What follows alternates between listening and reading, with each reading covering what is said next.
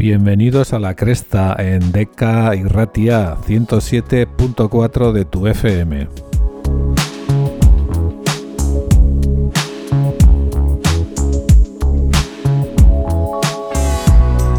Algo está pasando en la Casa de Cultura de Casares los miércoles por la tarde. A eso de las 7 suben las escaleras gentes de muy diverso tipo, edad, origen y condición. Se juntan en un aula que hay en el segundo piso, el último. Es una sala con los techos muy bajos desde la que se ve la casa Tomasene y si te esfuerzas puedes ver hasta las peñas de Haya. Allí se juntan Julia, que tiene 24 años, estudió comunicación y trabaja en una agencia de publicidad. Laida, de 32 años, que estudió turismo y tiene un máster en historia del arte, que ahora es responsable de comunicación en un museo donostiarra. Johnny, compositor y cantante, alma del grupo Sonakai, Carmen, que tras pasarse toda la jornada introduciendo datos en el ordenador, se monta en su supermoto y hasta aquí sube. Lara, diseñadora multidisciplinar eh, superdinámica, que ya veréis lo rápido y bien que habla. Amada, una mujer misteriosa que algún día quizá nos cuente su historia, experta en sexo.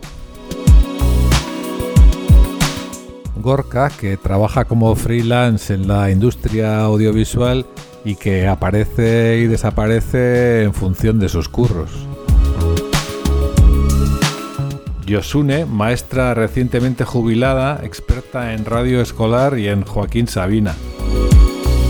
Y aquí subo yo también, Javier, jubilado desde hace año y medio después de 40 años trabajando en la industria química. Y igual os preguntáis que por y para qué nos juntamos un grupo tan heterogéneo de personas. Pues es bastante sencillo, nos juntamos para hacer una cosa que nos gusta y que queremos aprender a hacer mejor, y que es comunicar entreteniendo o entretener comunicando a través de un medio como la radio. Y por eso nos hemos apuntado al curso que imparten José Joaquín Forcada Forqui y Sergio Errasti. Cuando llegamos siempre está en la sala con todo a punto Telmo Trenor, el experto en la técnica y muy conocido músico electrónico donostiarra, cuyo último beso, me refiero al tema musical de Last Kiss, es el que hemos eh, tomado como sintonía del programa. Este es el equipo que nos está orientando y que nos lleva aguantando desde el 10 de marzo y el penúltimo miércoles eh, de mayo tuvimos una conversación muy interesante en el curso con Forky y Sergio que grabamos y este fue el resultado. Hola, buenas tardes. Pues aquí estamos con Forky y con Sergio, que amablemente se han prestado a responder a unas preguntas. Y lo primero que les quería preguntar es, bueno, quiénes son y, y cómo empezaron en la radio. No sé quién va a empezar a hablar, si Sergio o Forky. Que tiene, tiene más tablas. Bueno, yo soy el más veterano. Yo empecé jovencísimo en la radio. Empecé en Radio Popular de Loyola eh, con 16, 17 años presentando discos porque nos dejaron hacer un programa eh, porque nosotros veíamos que no había ningún programa que nos interesara musicalmente y bueno, y a partir de ahí seguí, seguí, seguí. Luego pasé a Donosti, estuve en Radio Popular de San Sebastián un montón de años, como 30, 28. O sea, que coincidirías con Gregorio Galvez, por ejemplo. Por supuesto, por supuesto. sí, sí. Y después, eh, últimamente, en Onda Vasca. Ajá.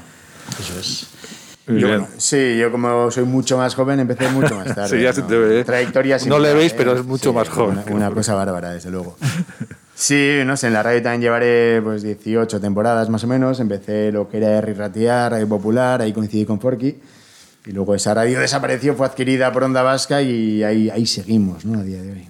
Muy bien. Oye, y una eh, cosa, esta, esta actividad que estamos haciendo del curso de radio, ¿cuándo empezasteis con ella? Yo creo que más o menos en torno a ocho años, más o menos, Sí, ¿no? Este ahí. es el octavo curso, el séptimo, porque ha habido algún año que no ha salido, por ejemplo, el año pasado, supongo que por la pandemia y demás cuestiones. Pero sí, yo creo que en torno. ¿Y fue una años. iniciativa vuestra o os No, lo pidieron? no. Fue una iniciativa de, de Luyar, que en aquel momento eran un poco los que gestionaban eh, lo que entonces era Casares y Ratia, que ahora se llama Deca y Ratia. Y ellos se pusieron en contacto con nosotros, nos dijeron a ver si estábamos dispuestos, hicieron una convocatoria y bueno, el público, la gente respondió y a partir de entonces, pues todos los Ah. años, bueno, pues un público muy variopinto, desde luego, que se ha acercado. Ya, porque eso, de eso os, os quería preguntar también, porque claro, en ocho años habéis dado en euskera y en castellano los cursos, habrá pasado pues, pues cerca Bueno, de al final- cientos de personas, ¿no? No Por el- tanta gente que si siempre salían solo en castellano, pero sí, un- como bien dice Forky, variopinto. eh, Desde luego, si tuviera que elegir una palabra para definir a la gente que ha pasado, en su mayoría, yo diría que es entusiasta y eso nos ha facilitado muchísimo, estarás de acuerdo conmigo, Forky, el trabajo, ¿no? Que hay, son Sí, gente que tiene sí, eh, voluntad de aprender ganas. radio, ganas de divertirse, de, de salsear en este medio, de acercarse a una radio que, que demuestra que sigue estando viva. Y más mujeres, hombres, jóvenes, Pues mayores. igual, algo más de mujeres, Algo más ahí, igual, pero sí, parecido, ¿eh? parecido, no, no te podría establecer el perfil, pero bueno. Y en general como un poco los dos extremos, o sea, gente muy joven y gente ya, pues eso, un poco... Jubilada, ma- ah, mayorcita, eh, Sí. esta ayudita, sí. ¿eh? Sí. Interesante. Bueno, ya veis, no sé, la- en la introducción que he hecho yo, yo decía también que una de las cosas más interesantes del curso es la, la- la diversidad, ¿no? De, de gente, pues parece que se Es confirma los, en los demás. Sí, sí. Y hablando un poco del, del curso de- que estamos haciendo, ¿qué futuro le veis al medio? Eh, que estamos de alguna manera queriendo profundizar en él a la radio. ¿Le veis futuro a la radio en la, en la era de, de- de Internet y demás? Hombre, ¿Cómo lo veis? creo que sí, pero, pero me parece un misterio también, por otro lado. ¿eh? No tengo ni idea qué es lo que va a ocurrir, pero yo creo que de alguna manera la radio ahora se está como reciclando un poco. Es, quizás se está perdiendo un poco de protagonismo lo que es la radio en directo para bueno, basarse un poquito más en el mundo de los podcasts y tal, que mucha gente sabe que en cualquier momento puede escuchar un programa, aunque el programa se emita en un momento concreto, después va a estar disponible en las páginas web de los distintos medios y entonces eso quizás le puede dar un poco un nuevo impulso a la radio, que yo creo que sí que está perdiéndolo, pero bueno, parece que está remontando, creo yo. ¿no? Sí, Internet no deja de ser sino otra herramienta para poder escuchar la radio. Yo, por ejemplo, ahora lo oigo más a través del móvil, la, propia radio, por una radio convencional para entendernos, de programación convencional, que, a través de, la radio de toda la vida, ¿no? Yo voy más en la línea que apuntabas, Forky, ¿no? Estos podcasts, esta fórmula, esta posibilidad de oír la radio cuando uno quiera, radio a la carta, por decirlo de algún modo, sí se puede estar imponiendo, pero yo creo que la radio convencional como tal va a seguir perdurando. También se decía que, oye, que el teatro iba a desaparecer, que iban a desaparecer los libros, y yo creo que se mantienen porque son, tienen también su propia personalidad, su forma de contar las cosas que yo creo que a día de hoy se va a mantener. Quizás habría que mencionar que, eh, claro, ahora todos tendemos, incluso las propias radios también, a que la imagen ilustre un poquito los. Ya, sí, es verdad, Pero hay sí. momentos en los que, por ejemplo, conduciendo tú no puedes estar viendo Ya. nada. Y entonces creo que en los coches la radio siempre va a estar. Sí, va a estar presente. Sí. No, desde Pues- luego. Y por mucho que intente a día de hoy las radios eh, emular en algunos aspectos a las televisiones, lo que nos toca, por ejemplo, cada vez hay más webcams, intentamos Sí. interactuar con el oyente de otro modo, dando más visibilidad. No es una línea que a mí me atraiga demasiado, pero bueno, parece que se apuesta por ahí. Yo creo que la esencia es lo que dice Forky y es lo que el camino, el camino debe ir por ahí, a mi entender. O sea que se puede decir que hemos elegido bien el curso. Por supuesto, hombre, de Pues- aquí a- al estrellato. Pues muchas gracias a los dos por el curso y por las- vuestra amabilidad. A vosotros. Adiós, adiós.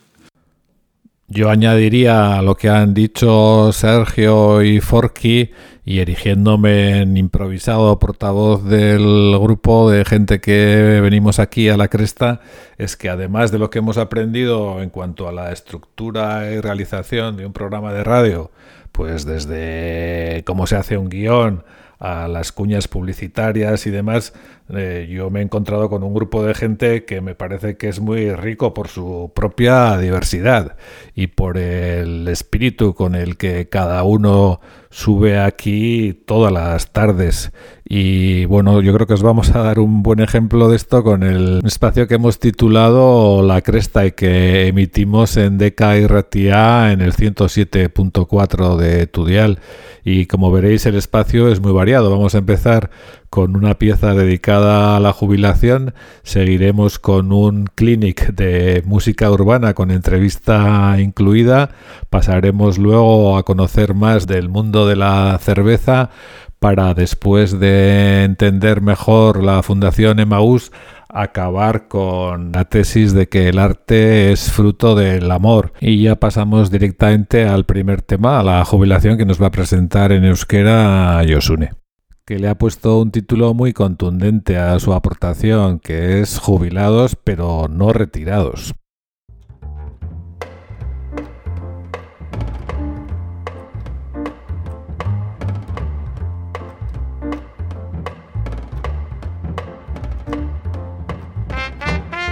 Duela urte batzuk, adin batera iristen zirenean, jendea lanetik erretiratu egiten zen.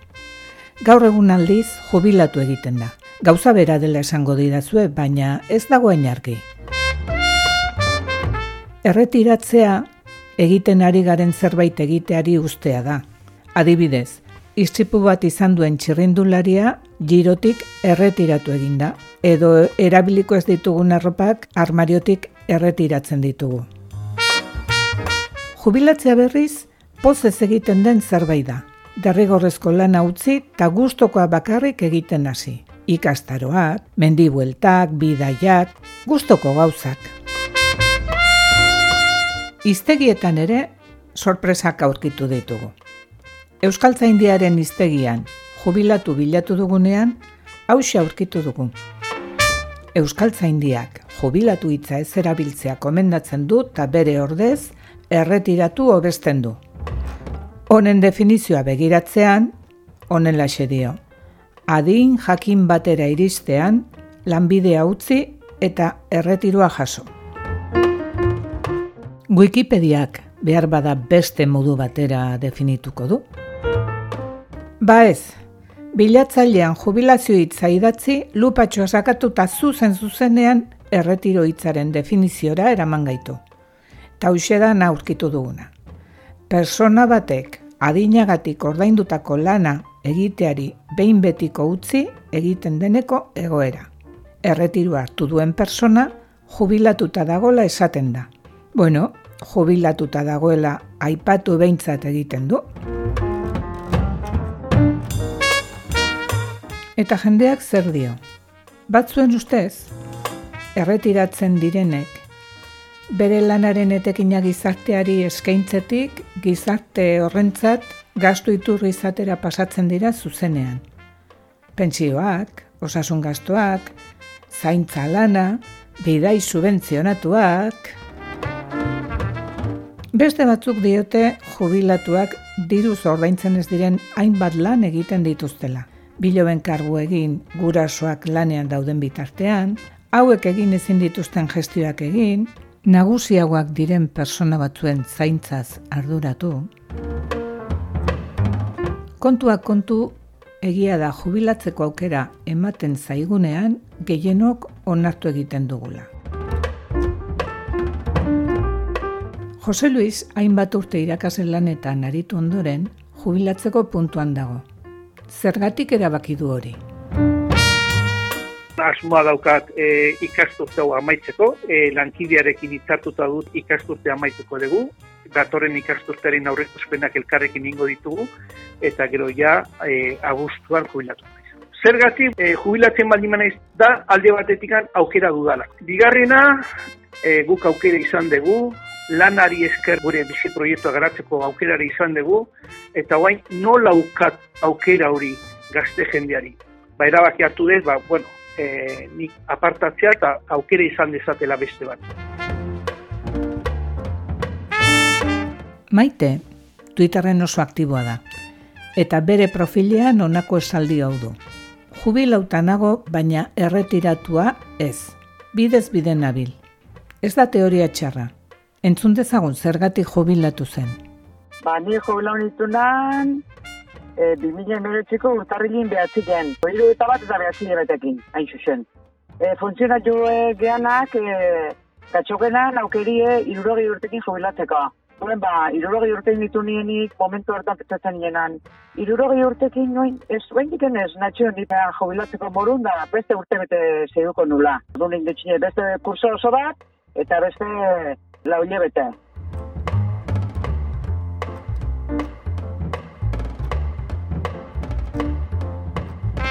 jubilatzean bizimodua erabat aldatzen omen den. Iri aldatu alzain maite. Hombre, lanea eskutideak eh, asko aldatzen bizimodua.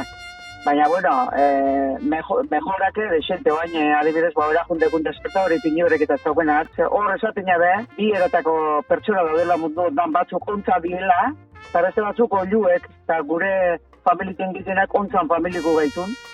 Gauetan, zea, txoritxo bezala ez eta goizetan, e, zea, ez nago ezin da.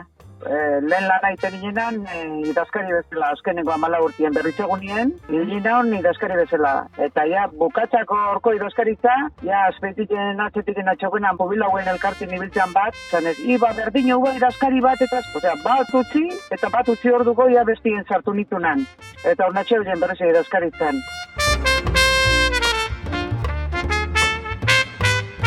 Gehienok dugu betidanik egin nahi izan dugun zerbait. Alboan utzi behar izan duguna laneko ordutegiak sortzen duen loturagatik. Hori alde batera utzi eta nahi duten egiteko aukera ote dute ba jubilatuek. Bueno, hor sakeli zutena, nahi eta ezin musikaldetikan. Belarri ja, bai, baina hortik aurrerako asko ez da. Jo gaina maixo egin ez bat ere konpontzen, ze e, behar daukan instrumentu eta neriak ez dutela, nota berdin jotzen aldo horretatik aurrera ezin egin. Aldatuko etela baite, pentsatzen dut, e, neuretzako igual denbora pixka bat gehiago, gero seguru asko izango de denbora gehiago bai, baino sasoirik ez eta bueno, orduan inbeko deguna da gorputza entzun, behar noaino dagoen pres, ba, horri zieldu, eta baino alde horretatik igual pixka gehiago zain du. Horrela izango alda.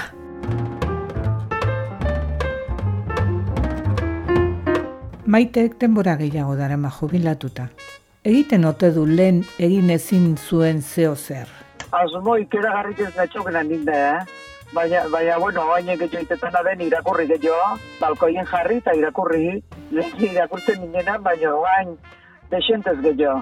Literatur zola zaldiketan ebai, kantu jira eta gero nabarraldeko taldien ere tarteka juten naun, eta aspertzeko bete pasiren ere gehiago ibili, viajik eta egiteko asmu, bai hori beti eukitzen den, baina, karo, jobelaute, dela xe, minbizi bat, oparik eukiden dune. Hoi momentu ontan ondonak zabilen, da, bueno, ez natxion kejatzeko mohon. Kontatzen digun entzun da argi dago, ez duela aspertzeko denborarik.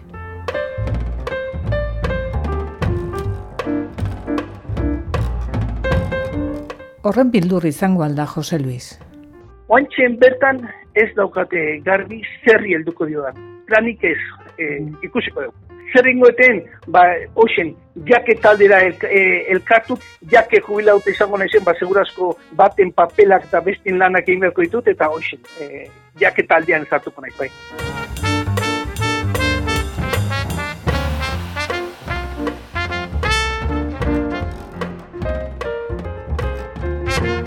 denbora gehiena bestentzat lanean pasa behar badugu, ez dakit pan merezidun jubilatzea. Zer esaten den, maite? Merezidula, merezidula. ba, gero asko esan egin baita ere, ba, zer lanetan horienan da guztu abilenan, no ez abilenan. Ba, jubilatzeko kogure bai, baina, bueno, lanin guztu abilenan nien ere, eh? Igual jubilazio hori, ba, ba, bueno, gauze egon bezala ikusten den, eta eskubide bezala, baina, bueno, lanin ondo ebilin ditunan, eta jubilaute ere, ba, ondo.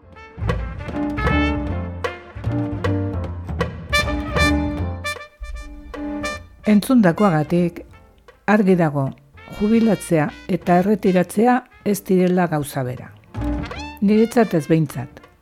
Bi urte daramatzat jubilatuta eta ez dokat inolako asmorik erretiratzeko. Ez hoxe.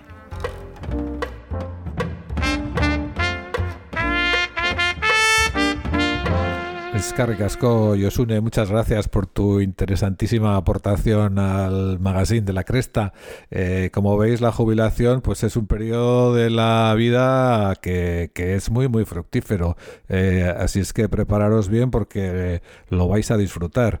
Eh, os lo digo por experiencia también. Bueno, y cambiamos radicalmente, tanto de tema como de escenario. La protagonista ahora es Julia, la más joven del grupo que nos va a hablar sobre la música urbana con invitado Como cuando era pequeño, en mi ciudad he sido testigo de todo mi progreso. Esta mierda está cayendo sola por su propio peso. Me has visto dando el underground cuando estaba tenso. Vamos a dedicar esta sección a algo que nos gusta a todas las personas, la música. En concreto, vamos a hablar de la música urbana, no tan conocida para la mayoría a pesar de que estamos continuamente rodeados de ella gracias a las plataformas digitales, la radio y la televisión. Barras como pigas, motor de cajiva. No estoy buscando curo, hermano, estoy Lo primero que tenemos que saber es a qué nos referimos cuando hablamos de la música urbana. Se trata de un conjunto de estilos musicales nacidos a finales de los años 70 y principios de los 80 del pasado siglo, que se caracterizan por su origen urbano, en suburbios estadounidenses con población afroamericana. El rap, rhythm and poetry, fue el primer estilo considerado como música urbana.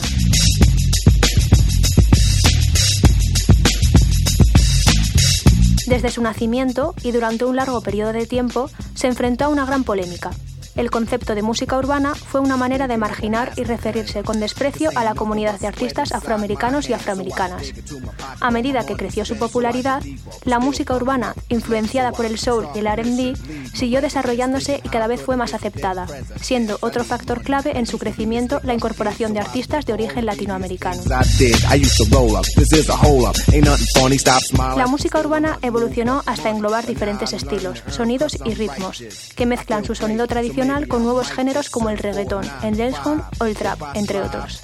A partir de los años 90, su popularidad creció notablemente hasta que en la actualidad se considera uno de los géneros más escuchados no solo por los jóvenes, sino por personas de todas las edades que disfrutan entusiasmadas con esta mezcla de estilos. Su influencia no se limita a los Estados Unidos, sino que se crea y se escucha en todo el planeta.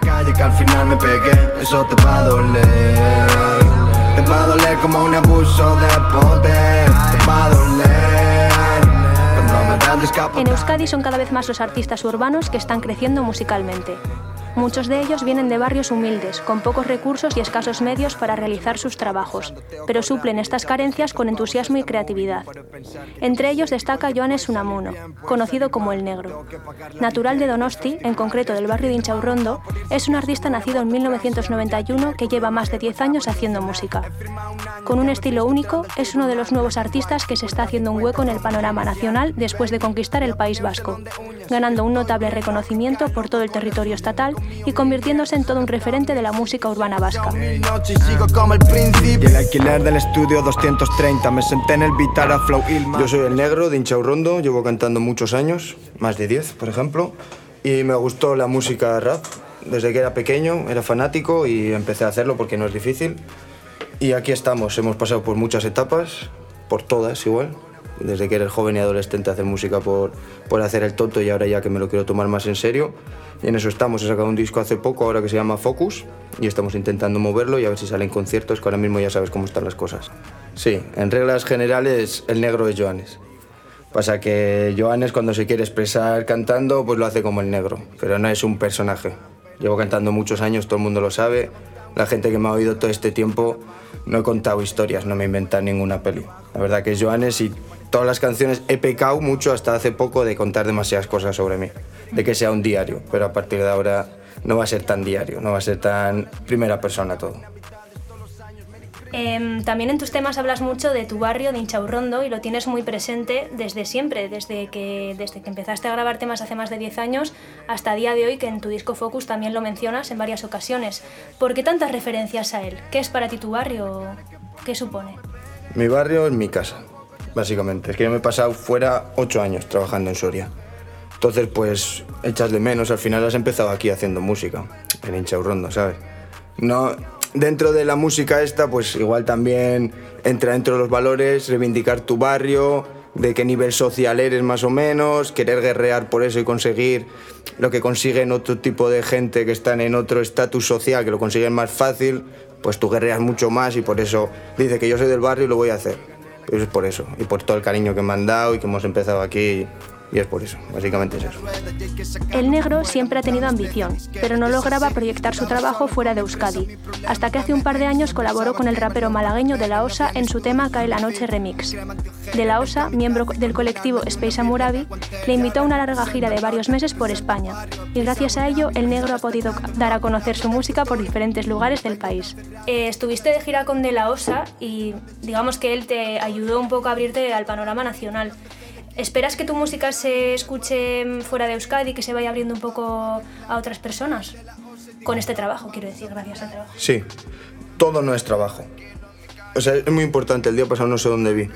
En el éxito, por decirlo así, igual es el 80% trabajo, insistencia, quiero decir que esté focus, y el otro 10% es el talento y el otro 10% es la suerte. Y que la gente trabaje. Yo no, no le puedo obligar a nadie a, a que haga música, que haga un vídeo, pero animo a todo el mundo a eso. Seas bueno, seas malo, eh, seas cojo, cantes en inglés, cantes en francés, me da igual, pero haz. Y si funciona, pues sobre tú. Cementerio Pipos, Northside, locos, super deportivos, ajá. Quiero el show completo, los saldréis en vivo. Poner mi nombre bien grande en todos los camerinos. El negro cree que este es el momento de despegar y por fin sus frutos están dando resultados. En febrero de 2021 publicó su último trabajo titulado Focus, un EP en solitario, que consta de seis cortes que han sido publicados semanalmente en todas las plataformas digitales. Producido por Denso Producciones y por Javi Calahorra, es, sin duda, su trabajo más serio y maduro hasta la fecha. Sí, yo he cambiado. Las personas tienen que cambiar por cojones.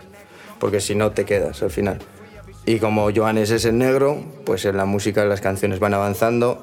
Aparte de que si llevo cantando 10 años, pues vas aprendiendo más cosas, vas mejorando tu manera de cantar y vas buscando distintos palos también porque te aburres. Si tú estás solo en rap y solo estás rapeando, es como comer macarrones todos los días, ¿sabes? Al final te aburres. Intentas hacer otras cosas sin salirte de tu registro vocal, sobre todo, porque, ¿sabes? Te puedes poner muy a gritar mucho y el autotune entra bien, pero luego llega al concierto y no es lo mismo. Entonces pruebas cosas distintas y sí.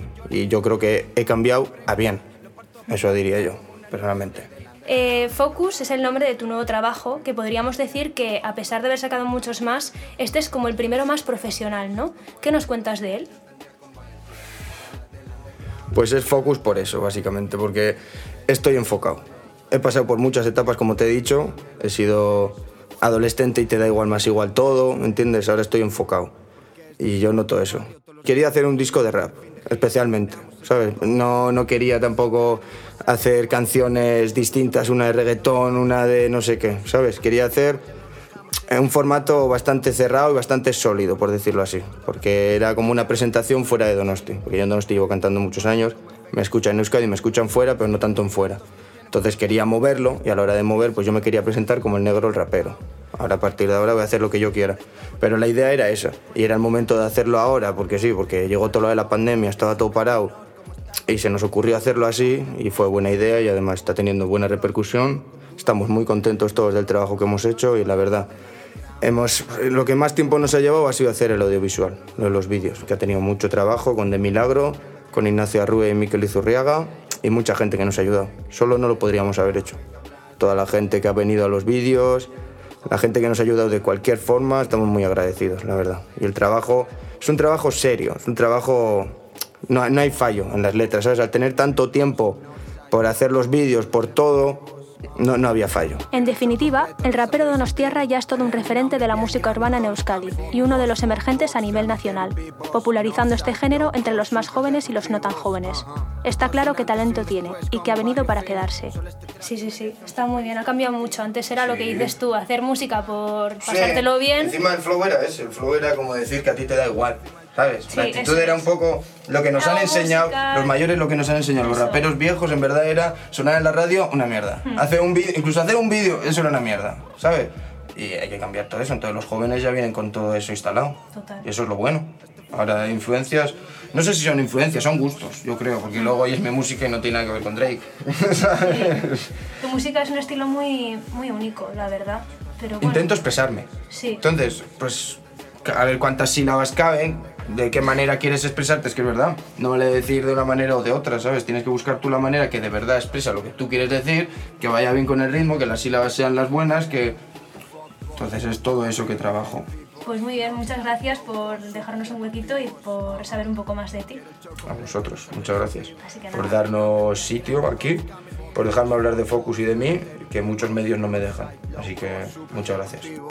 Desde Deca y Ratia apostamos por nuevos artistas y queremos darles la visibilidad que se merecen. Esperamos que hayáis disfrutado y conocido más cosas sobre este estilo musical que da tanto que hablar, la música urbana.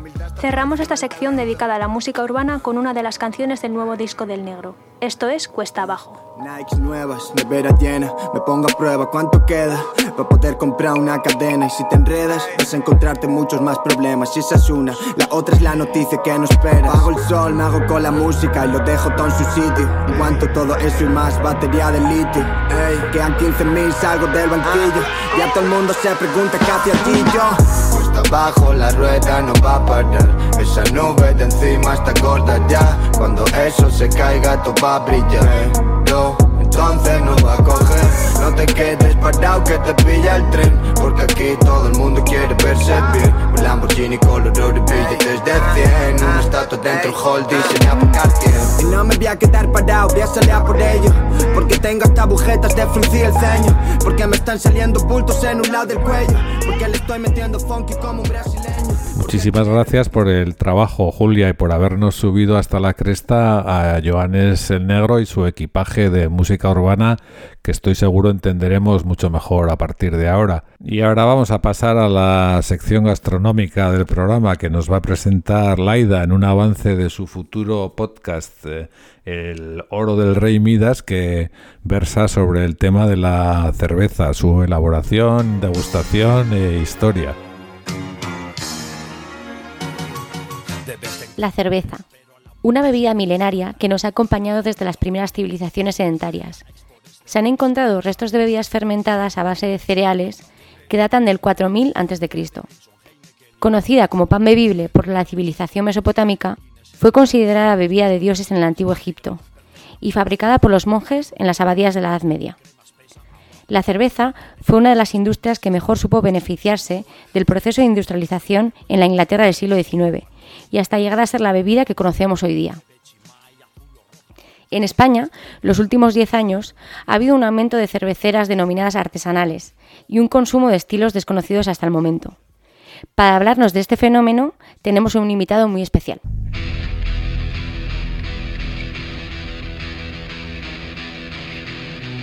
Seguimos hablando del apasionante mundo de la cerveza y para ello tenemos aquí a un invitado que viene a hablarnos del fenómeno de la cerveza artesana en España. Él es Nacho Blázquez, profesor de química, amante de la cerveza y aficionado a homebrewer. Hola Nacho, bienvenido a Loro del Rey Midas. Hola Laida, ¿qué tal? Muchas gracias por la invitación. Antes de adentrarnos en el tema, cuéntanos un poco más acerca de, de tu relación y tu experiencia con el, con el mundo de la cerveza.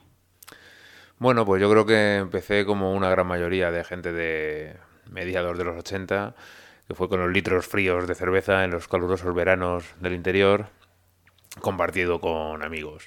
Luego poco a poco los bares, las cañas, los botellines, pero todo muy dentro de la cultura cervecera del barrio que había en el momento.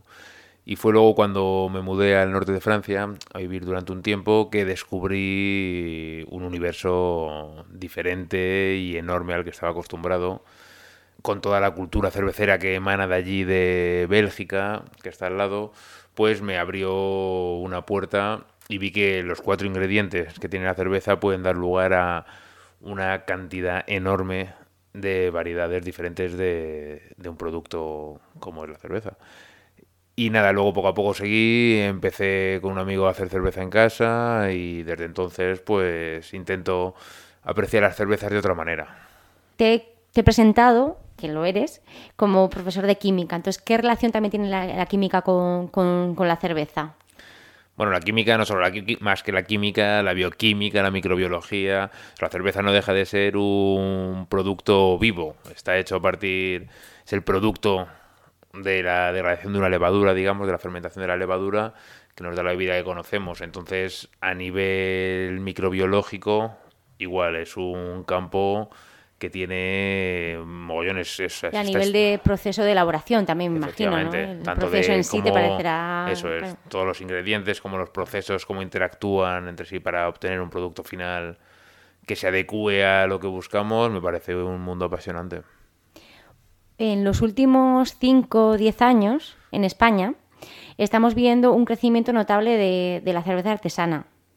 eh, lo que también se conoce como craft beer. Eh, cuéntanos un poco a qué se debe este, este boom. Bueno, pues yo creo que el tema es que en España nunca ha habido una gran cultura cervecera, nunca por lo menos desde que yo tengo uso de razón. España siempre ha sido un país más de vino y cuando en cuanto a la cerveza se refiere, era una bebida refrescante, de baja graduación, una rubia muy transparente que se tomaba en sociedad. Entonces, claro, eh, de un tiempo a esta parte, con la globalización, los viajes de la gente y el ver que hay otros sitios en los que se hacen cosas muy diferentes, pues ha hecho que una gran cantidad de gente, de pequeñas empresas, empiecen a desarrollar nuevos productos con los mismos cuatro ingredientes de las cervezas que nos tenían acostumbrados, pero dando mucha más calidad y variedades diferentes.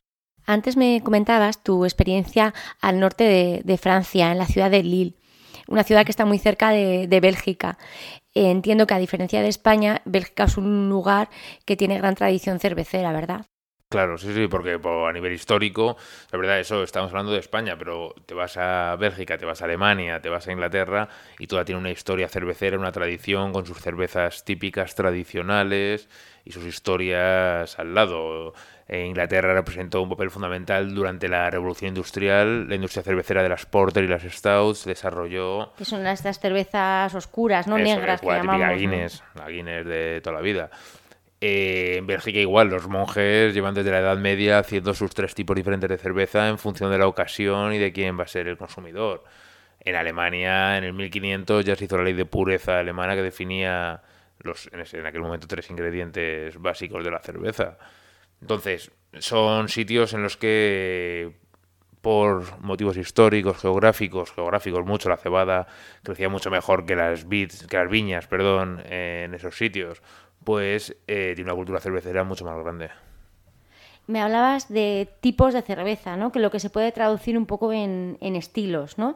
Entonces, eh, lo que vemos hoy día eh, son eso, ¿no? Pues cervezas tipo IPA, DIPA, Stout, o sea, eh, ¿cuál es un poco el origen de, esos estilos y por qué han venido, por qué están hoy día presentes en, la cultura cervecera actual? Claro, el tema es que todo viene un poco a raíz de, vamos siguiendo un poco la estela de Estados Unidos en ese aspecto, en el aspecto de, la cerveza artesana. Entonces fue a finales de los 70, principios de los 80, que hubo un personaje muy famoso dentro del mundo friki cervecero que es Michael Jackson, no el cantante, entiendo. Efectivamente.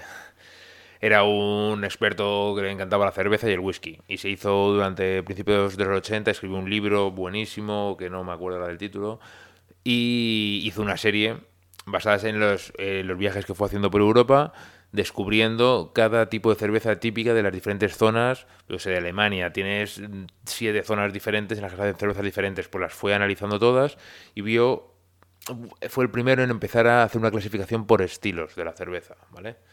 Entonces, esa clasificación por estilos luego ha dado lugar a, desde los años 80 y hay asociaciones que hacen igual, intentan clasificar la cerveza más de 100 estilos diferentes. Hoy día estos estilos que comentabas que, que, se crearon o que se clasificaron en los años 80 han evolucionado, siguen llevándose los mismos estilos o hay nuevos estilos que se han creado a raíz de entonces. Claro, o sea, Hoy día, pues en Bélgica sigues encontrando los estilos tradicionales belgas que llevan toda la vida, pero sí que es verdad, por ejemplo, sitios como Estados Unidos o en España, o en sitios donde el fenómeno craft y la falta de una cultura cervecera anterior ha dado lugar a que haya una creación constante de nuevas, nuevos tipos de cerveza.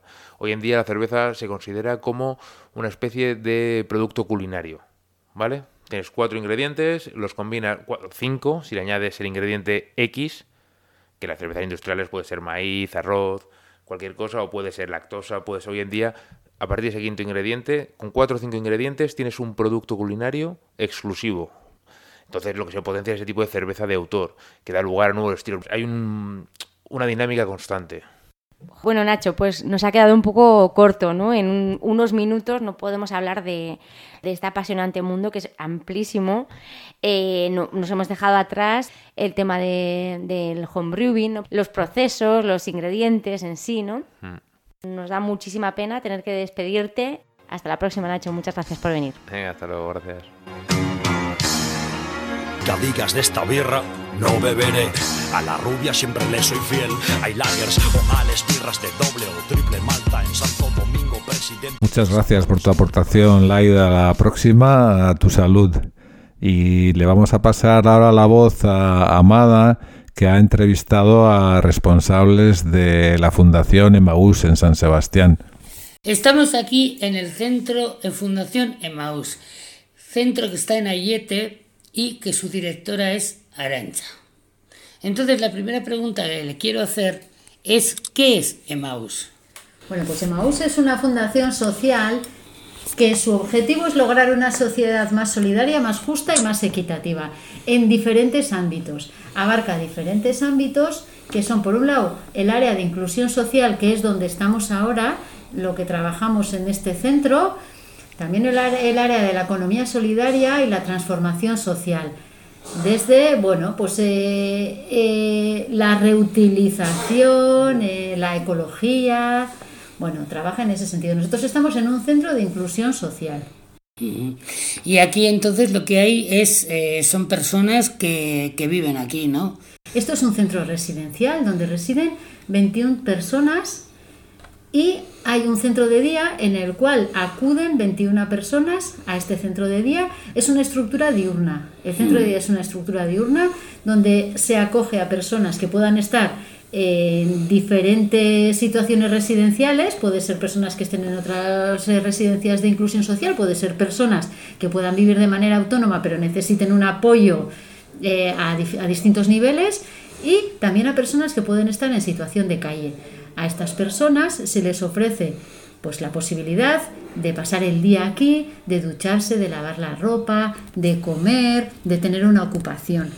Y las personas que residen aquí residen eh, todos los días. En, bueno, las estancias eh, son largas, las estancias son largas y aquí se les apoya, bueno, de manera individual a cada uno, pues se realizan procesos en función de sus objetivos, de lo que quieren hacer en esta vida, bueno, pues han tenido vidas más o menos complicadas, tienen unas necesidades en las cuales se les acompaña en lo que ellos necesiten, a nivel administrativo, a nivel emocional, a nivel estructural y de las habilidades de la vida diaria, lo que cada uno necesite. Esto está muy bien, ¿verdad? Hay pocos recursos de esos. Bueno, cada vez hay más, ¿eh? Cada vez hay más. Pero, hay más necesidad. Hay más necesidad y lo que le iba a decir en su fundación será de las primeras, ¿no? Que se conocen aquí bueno, también está en Caritas, España. Caritas también hace este tipo de. Sí, sí, algo he oído. Sí, son las más, las más antiguas. Las más oídas, ¿no? Las más. Y aquí tenemos pues a la educadora. Y bueno, ella nos puede decir, eh, pues puedo, puedo tratar de tú, qué es lo que haces aquí, en qué es lo que haces, qué, qué, te mueves, qué es lo que tienes que hacer.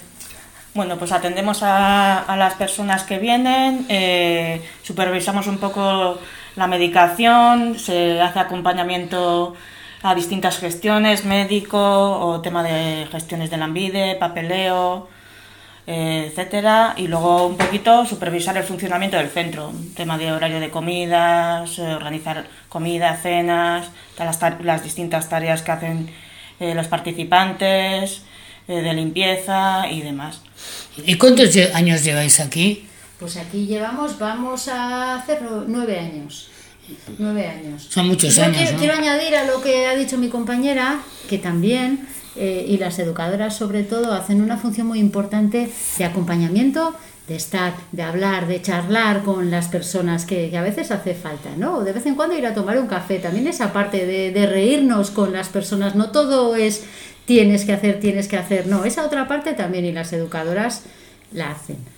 De todas maneras, aquí la, la, la mayoría de la gente es adulta y será más fácil. La mayoría, no todos. Todos son adultos. no sabía, yo pensaba que había gente joven también, pero bueno, la cuestión es de que son gente que tendrá más cabeza para hacer las cosas, ¿no? Y demás.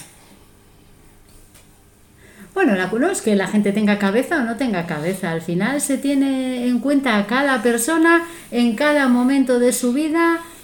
Ya está, ya está. No, no, no hay, no, no se valora a la gente en función de si tiene cabeza o no tiene cabeza. Es usted una buena directora. ¿eh? Pues les doy las gracias por haberme atendido y haberme este, hecho este gran favor. Y bueno, ya hasta pronto. Gracias a ti, Amada. Y tras este testimonio que ha aportado Amada de los responsables de la Fundación Emaús y su atención, vamos a cerrar el eh, programa de hoy con la última sección, la que presentan eh, Lara y Gorka, en el que nos hablan de la importancia del amor en la creación artística. Quema mis banderas En mi mente no hay fronteras y en mi corazón, ay mi corazón, solo estás tú. Creemos en el amor, en el amor ciego, en el amor amigo, en el amor creativo y en el amor que mueve pasiones y mundos. Encontrarse en la mitad del camino con alguien que remueve tu vida que cambia tu manera de querer, de sentir y de crear. En resumen, hablamos hoy aquí en Deca y de alguien que modifica tu alma. El alma, al parecer, habita entre el esternón y la garganta. Nunca te habías dado cuenta que se alojaba en tu interior hasta que un gran día la sientes.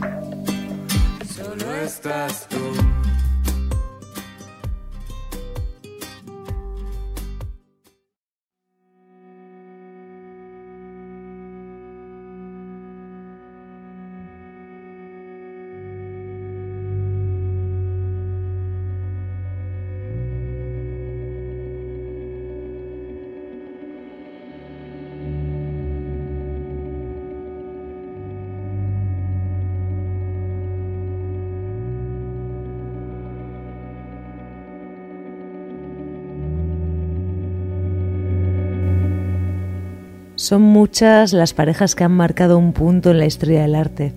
El arte en todas sus disciplinas hablamos hoy. Obras artísticas creadas a cuatro manos, en un proceso creativo que destaca la pasión por lo realizado y por el éxito de ambos.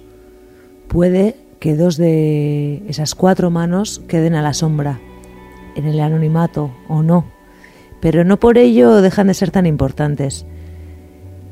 Es de eso de lo que queremos hablar hoy aquí. Lara Turain y Gorka Arostegui. De ese intercambio de experiencias, el diálogo, las emociones e impresiones que crean un vínculo más allá de lo creativo. Una vez más, el arte es fruto del amor. Y para documentar este tema eh, os traigo una película, un documental de Nick Brookfield llamado War on Love, para aquellos que no entendéis ni papá de inglés, palabras de amor, que se basa en la vida amorosa y en el trayecto creativo de Leonard Cohen y Marianne. Mm, una vida que construyeron una utopía de pasión y creación en la isla tan apartada del mundo llamada Hydra en el año 1960. Eran jóvenes, guapos con insolencia, con la piel quemada por el sol y la sal, entregados a la vida, a las noches de amor libre, poesía, guitarra y aguardiente. Fueron felices en una, en una casita de piedra donde se caía la electricidad y es allí donde Leonard escribía y escribía durante días, sostenido por el Speed. Y gracias a Marianne, que se ocupaba de darle de comer y... Vamos, Marianne se convirtió en su andamiaje, en andamiaje de su creación, de todo aquello que hizo en aquella época. Ella lo admiraba. Y claramente se ve esa adoración, esa admiración por su trabajo y por su persona en, este documental. Eh, se le escucha a Marianne hablar sobre aquella época, ¿no? Y decía, se escribía y se hacía el amor. Era absolutamente fabuloso. Pero os he traído una frase, una frase de Leonard que, que va más con el tema de hoy, que dice así. Cuando tu mujer se convierte en tu propio contenido y tú te conviertes en su contenido, eso es amor. ¿Qué decir? ¿Qué decir de esto? Podríamos hablar de mi musa, Marianne como mi musa, mm, pero no. Para mí esa etiqueta de musa, personalmente, este concepto de musa no me gusta. Eh, me parece una etiqueta pequeña, un, un poco poco, digamos, para lo conseguido. Una figura tan importante, ¿no? A, una, esa figura que acompaña, ya que ella le cuidó, compartió su vida con él, eh, se acompañaron y se apoyaron. Y por ello y por su amor, eh, creemos o se cree que Leonard Cohen llegó a ser quien fue, a crear todo lo que creó, a ser el gran poeta y cantante, aunque nunca lo sabremos. Nunca sabremos que si Marianne no se hubiera cruzado en el camino en 1960, hubiese sido quien fue o no. Por eso hablamos hoy aquí de esa importancia, de esa importancia de mm, el acompañante, el acompañante que queda en anonimato. Uno coge nombre y el otro no. El otro se queda en la sombra. Pero no es así. Creo que esa persona, esas dos manos, esa mente, ese apoyo, creo que hay que sacarlo a la luz, hay que darle su valor merecido. Por eso en esta ocasión, en, la ocasión del éxito de Cohen, queremos nombrar las cuatro manos, los 20 dedos y un amor inolvidable que queda registrado en su canción de despedida. De despedida de aquel amor tan maravilloso. Todo tiene un comienzo y un final. Y por eso os traemos aquí esta canción de despedida. Quizá la mejor canción escrita sobre una ruptura amorosa. So Long Marianne. La escuchamos.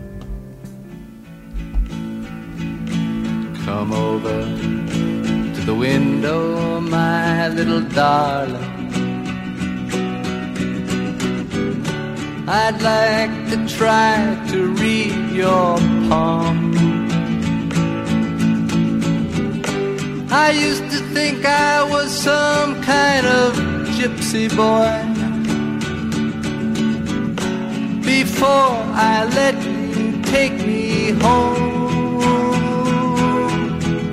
Now so long, Marianne. It's time that we began to laugh and cry and cry and laugh about it all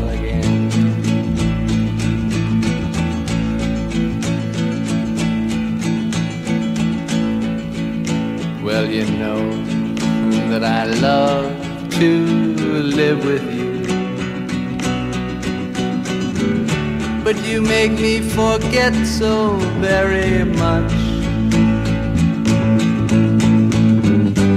I forget to pray for the angels, and then the angels forget to pray so long, Marianne. It's time that we began to laugh and cry and cry and laugh about it all again.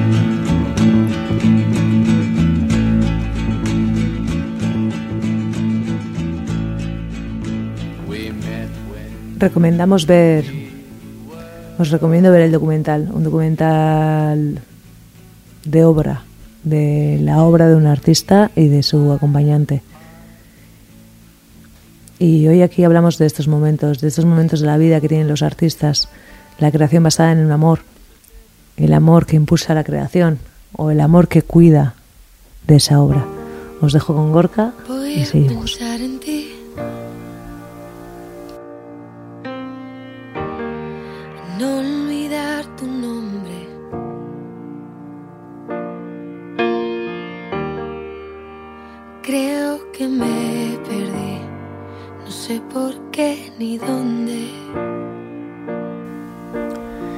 Al hilo, Lara, de lo que comentabas de, las relaciones eh, que ayudan a desarrollarse personalmente, en este caso en, en una persona artista, ya sea eh, hombre o mujer, quería quería contar el, el, ejemplo de Pilar Belzunce, es una mujer o es un hombre quizás poco conocido, pero Pilar Belzunce fue la mujer de Eduardo Chida, el famoso escultor, artista, una mujer que que tuvo la clarividencia, por así decirlo, de, de entender la obra de su marido desde el principio. Cuando no era eh, famoso, cuando él decidió que, que iba a cambiar de estilo de vida, eh, incluso llegó a jugar en, en, un equipo de fútbol. Y eh, ella, bueno, sí tuvo esa visión de, de entender la, la, obra o lo que, estaba, lo que podía ser la obra de su marido.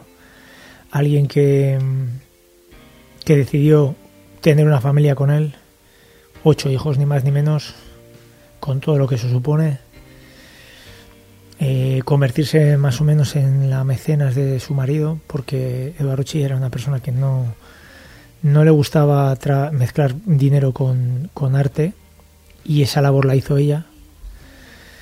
Eh, supo negociar con galeristas de primer nivel europeos para que pudieran exponer la obra de Eduardo. Entendió que había que rescatar y conservar toda la obra desde el principio para poder entender la progresión de un artista. Eh, creo que creo que Pilar, eh, bueno, quizás no sé hasta qué punto llegó a influir en, en, la obra de Eduardo, pero lo que se hizo fue un trabajo gris, oscuro a veces y poco agradecido, que es el de la gestión, gestión artística, gestión familiar. Eh, en unos años, si lo contextualizamos, en las que la mujer tenía un rol y, y el hombre otro, y sin embargo creo que supieron eh, compenetrarse.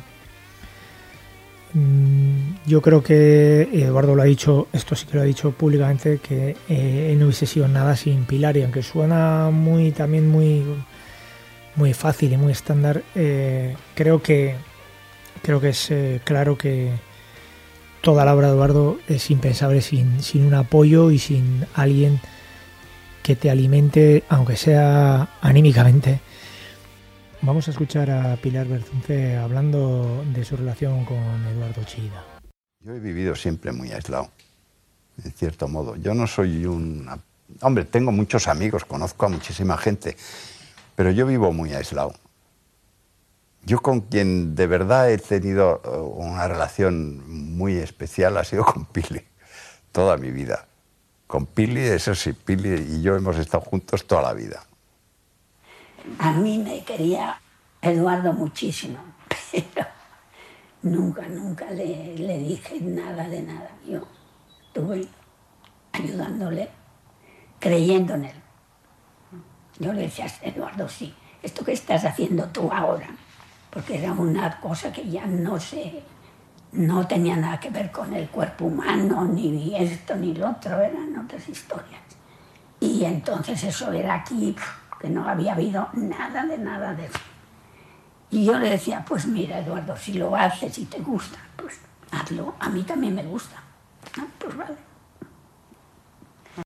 Y para mí refuerza, como has dicho, la, la, la idea de que, bueno, las parejas donde hay alguien que, que necesita desarrollar su creatividad eh, son, son importantes y ayudan, no sé si a veces para bien o para mal, pero ayudan a, a que esa creatividad eh, se desarrolle bien. Entonces creo que, que podemos hablar un poco, ¿no, Lara, de, de ese tema. Sí, claro, claro que podemos hablar. Para eso hemos venido hoy aquí, a Deca y Ratía, y Decías de ese apoyo, un apoyo incondicional para que la creatividad se, se desarrolle bien.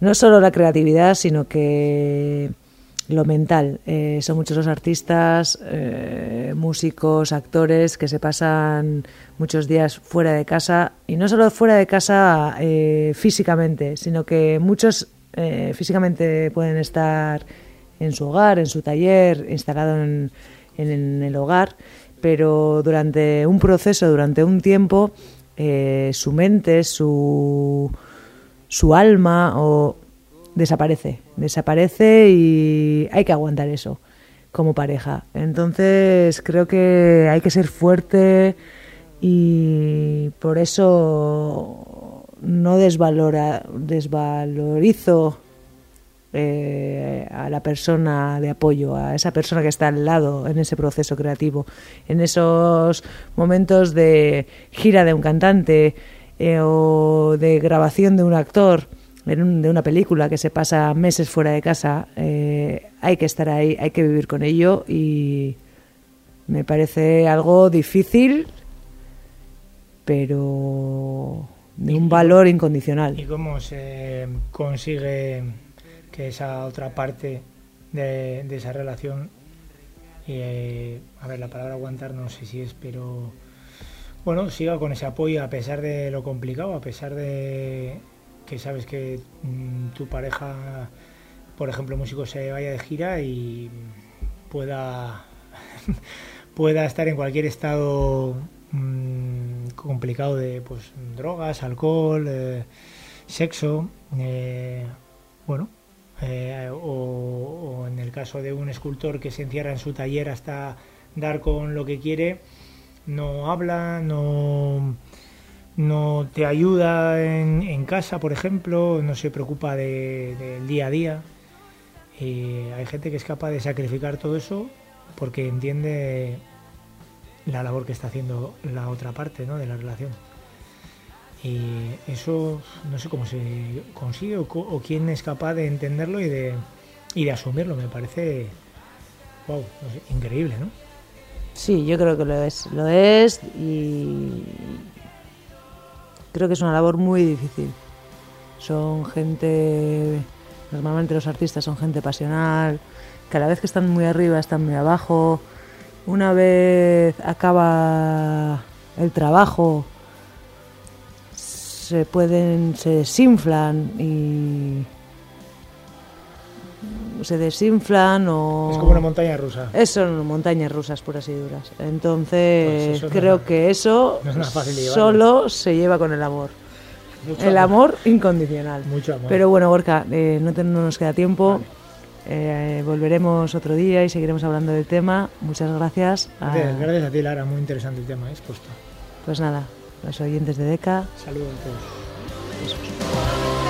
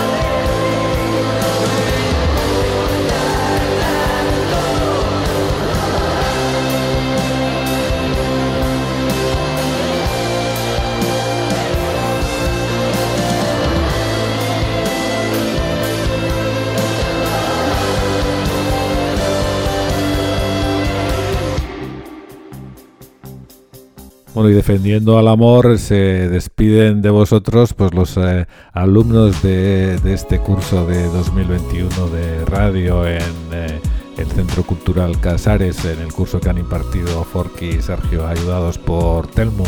Eh, muchísimas gracias por vuestra escucha y a todos los participantes pues muchísimas gracias por vuestras aportaciones. espero que haya gustado a los oyentes y no sé si habrá una nueva ocasión de, escucharnos, pero si no, pues eh, mucha salud para todos.